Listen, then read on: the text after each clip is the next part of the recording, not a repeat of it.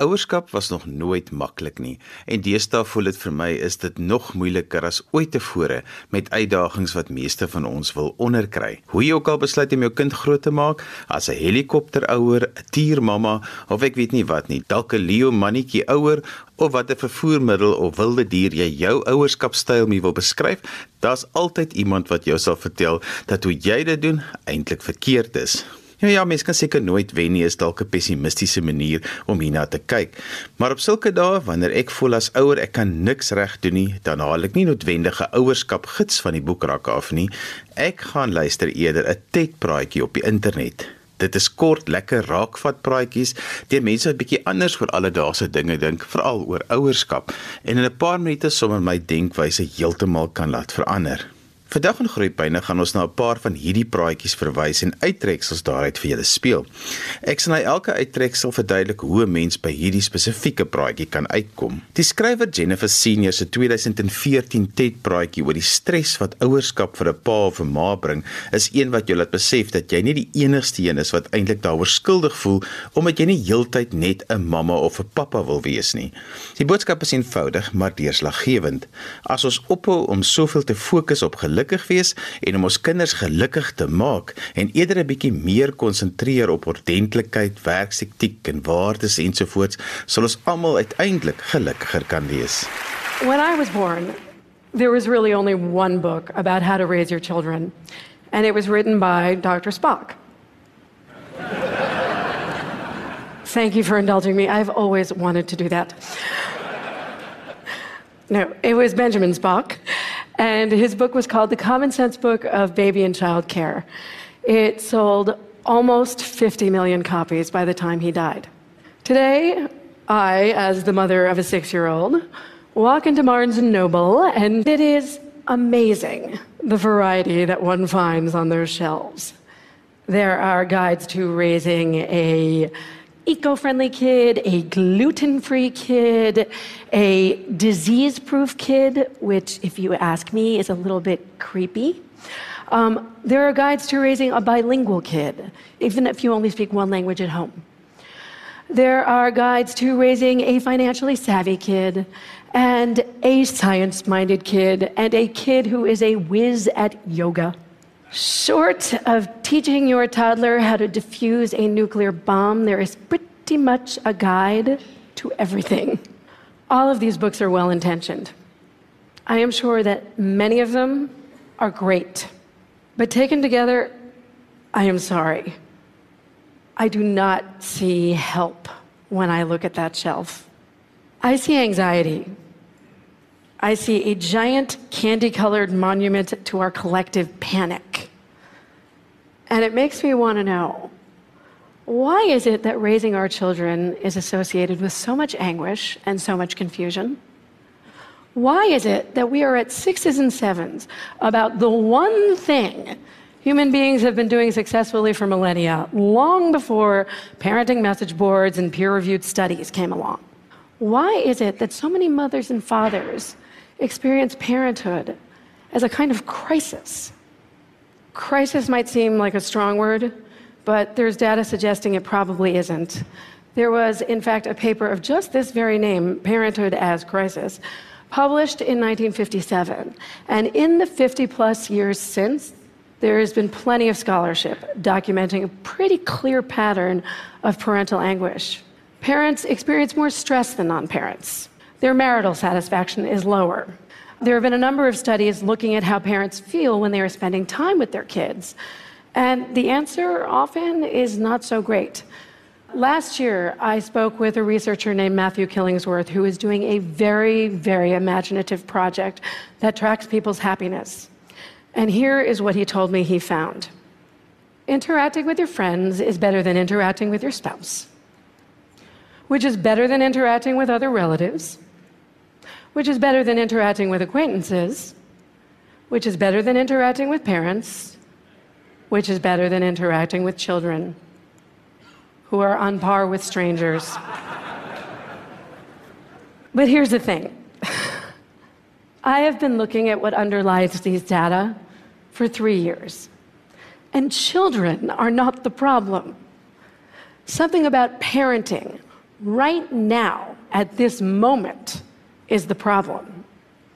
Specifically, I don't think we know what parenting is supposed to be. Parent as a verb only entered common usage in 1970. Our roles as mothers and fathers have changed. The roles of our children have changed. We are all now furiously improvising our way through a situation for which there is no script. And if you're an amazing jazz musician, then improv is great. But for the rest of us, it can kind of feel like a crisis. Om na hierdie TED-praatjie te luister, moet jy Google Jennifer Senior for parents happiness is a very high bar. Die skrywer Andrew Solomon se gesprek in 2014 gaan oor die grootmaak van kinders wat liggaamlike of geestelike uitdagings het. Sy eie beskrywing van sy belewing van sy grootword jare met sy seksuele oriëntasie is pragtig en ontroerend. Solomon se TED-praatjie spruit dit jare van gesprekke voer met ouers van kinders wat maklik as anderste kinders of kinders met uitdagings beskryf kan word en hy praat oor hoe die grootmaak van sulke kinders en dan seker eintlik enige kind jou lewe 'n dieper betekenis kan gee.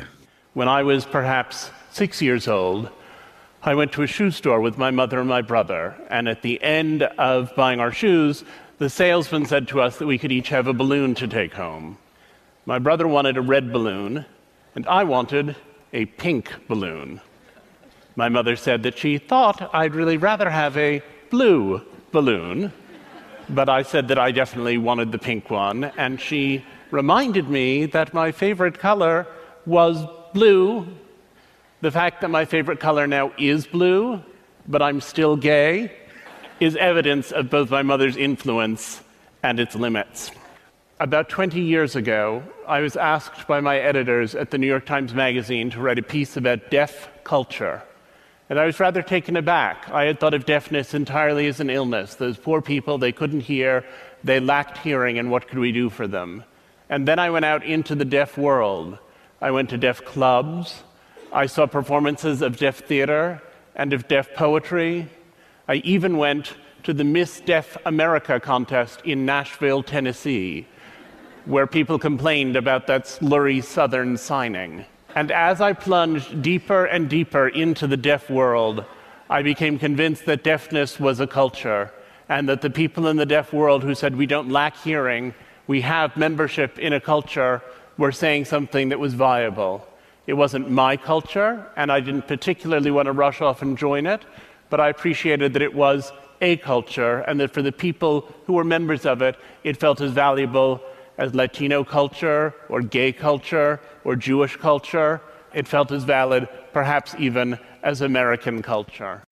Om na hierdie TED-praatjie te luister, Google Andrew Solomon Love No Matter What. Vyle Rita Pearson was vir 40 jaar 'n onderwyseres en het in 2013 'n opwindende insiggewende TED-praatjie gelewer oor die kragtige rol wat onderwysers in kinders se lewens speel. Kinders leer nie van mense waarvan hulle nie hou nie, het Pearson se slagspreuk geword, woorde wat opvoeders, ouers en kinders oor die hele wêreld inspireer. Haar praatjie is miskien meer op onderwysers gerig, maar dit het 'n belangrike boodskap wat ons almal moet raak en dit is dat ons nooit die waarde van goeie verhoudings moet onderskat nie. I have spent my entire life either at the schoolhouse, on the way to the schoolhouse, or talking about what happens in the schoolhouse. Both my parents were educators. My maternal grandparents were educators. And for the past 40 years, I've done the same thing. And so, needless to say, over those years, I've had a chance to look at education reform from a lot of perspectives. Some of those reforms have been good, some of them have been not so good. And we know why kids drop out. We know why kids don't learn. It's either poverty, low attendance, negative peer influences. We know why. But one of the things that we never discuss, or we rarely discuss, is the value and importance of human connection. Relationships. James Comer says that no significant learning can occur without a significant relationship. George Washington Carver says all learning is understanding relationships. Everyone in this room has been affected by a teacher or an adult. For years, I have watched people teach. I have looked at the best and I've looked at some of the worst. A colleague said to me one time, they don't pay me to like the kids. They pay me to teach a lesson. The kids should learn it. I should teach it. They should learn it. Case closed. Well, I said to her, you know, kids don't learn from people they don't like. Om na hierdie TED-praatjie te luister, Google Rita Pierson, Every Kid Needs a Champion. Vandag in Groeipyne luister ons na 'n paar TED-praatjies wat jou as ouer 'n bietjie kan inspireer.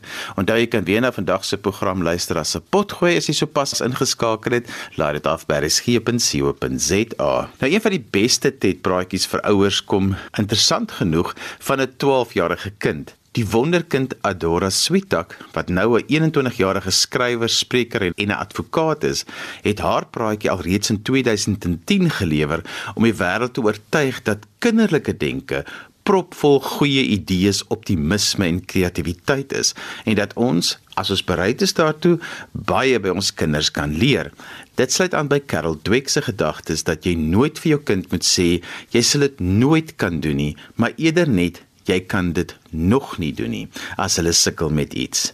Now, I want to start with the question When was the last time you were called childish? For kids like me, being called childish can be a frequent occurrence. Every time we make irrational demands, exhibit irresponsible behavior, or display any other signs of being normal American citizens, we are called childish.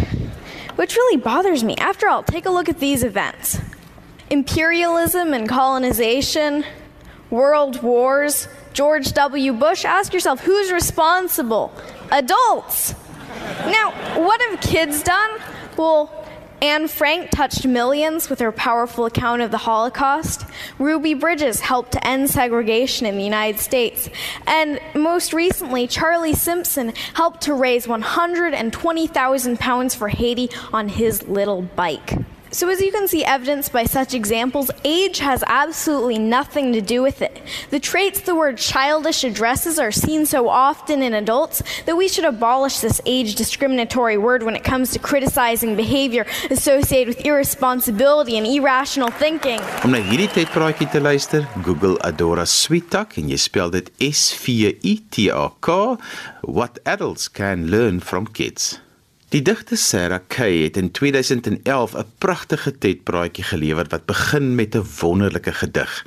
Die openingsreël tref my altyd. As ek 'n dogter moet hê, in plaas van mamma gaan sy my punt B noem, want so weet sy dat dit nie saak maak wat gebeur nie, ten minste kan sy haar weg altyd terug na my vind. Kay vertel in hierdie TED praatjie haar eie verhaal en dat elkeen van ons alles is nog jonk 'n stem het wat gehoor moet word en dat jy moet seker maak dat mense jou stem hoor. If I should have a daughter instead of mom, she's going to call me point B. Because that way she knows that no matter what happens, at least she can always find her way to me. And I'm to paint the solar systems on the backs of her hands. So she has to learn the entire universe before she can say, Oh, I know that like the back of my hand.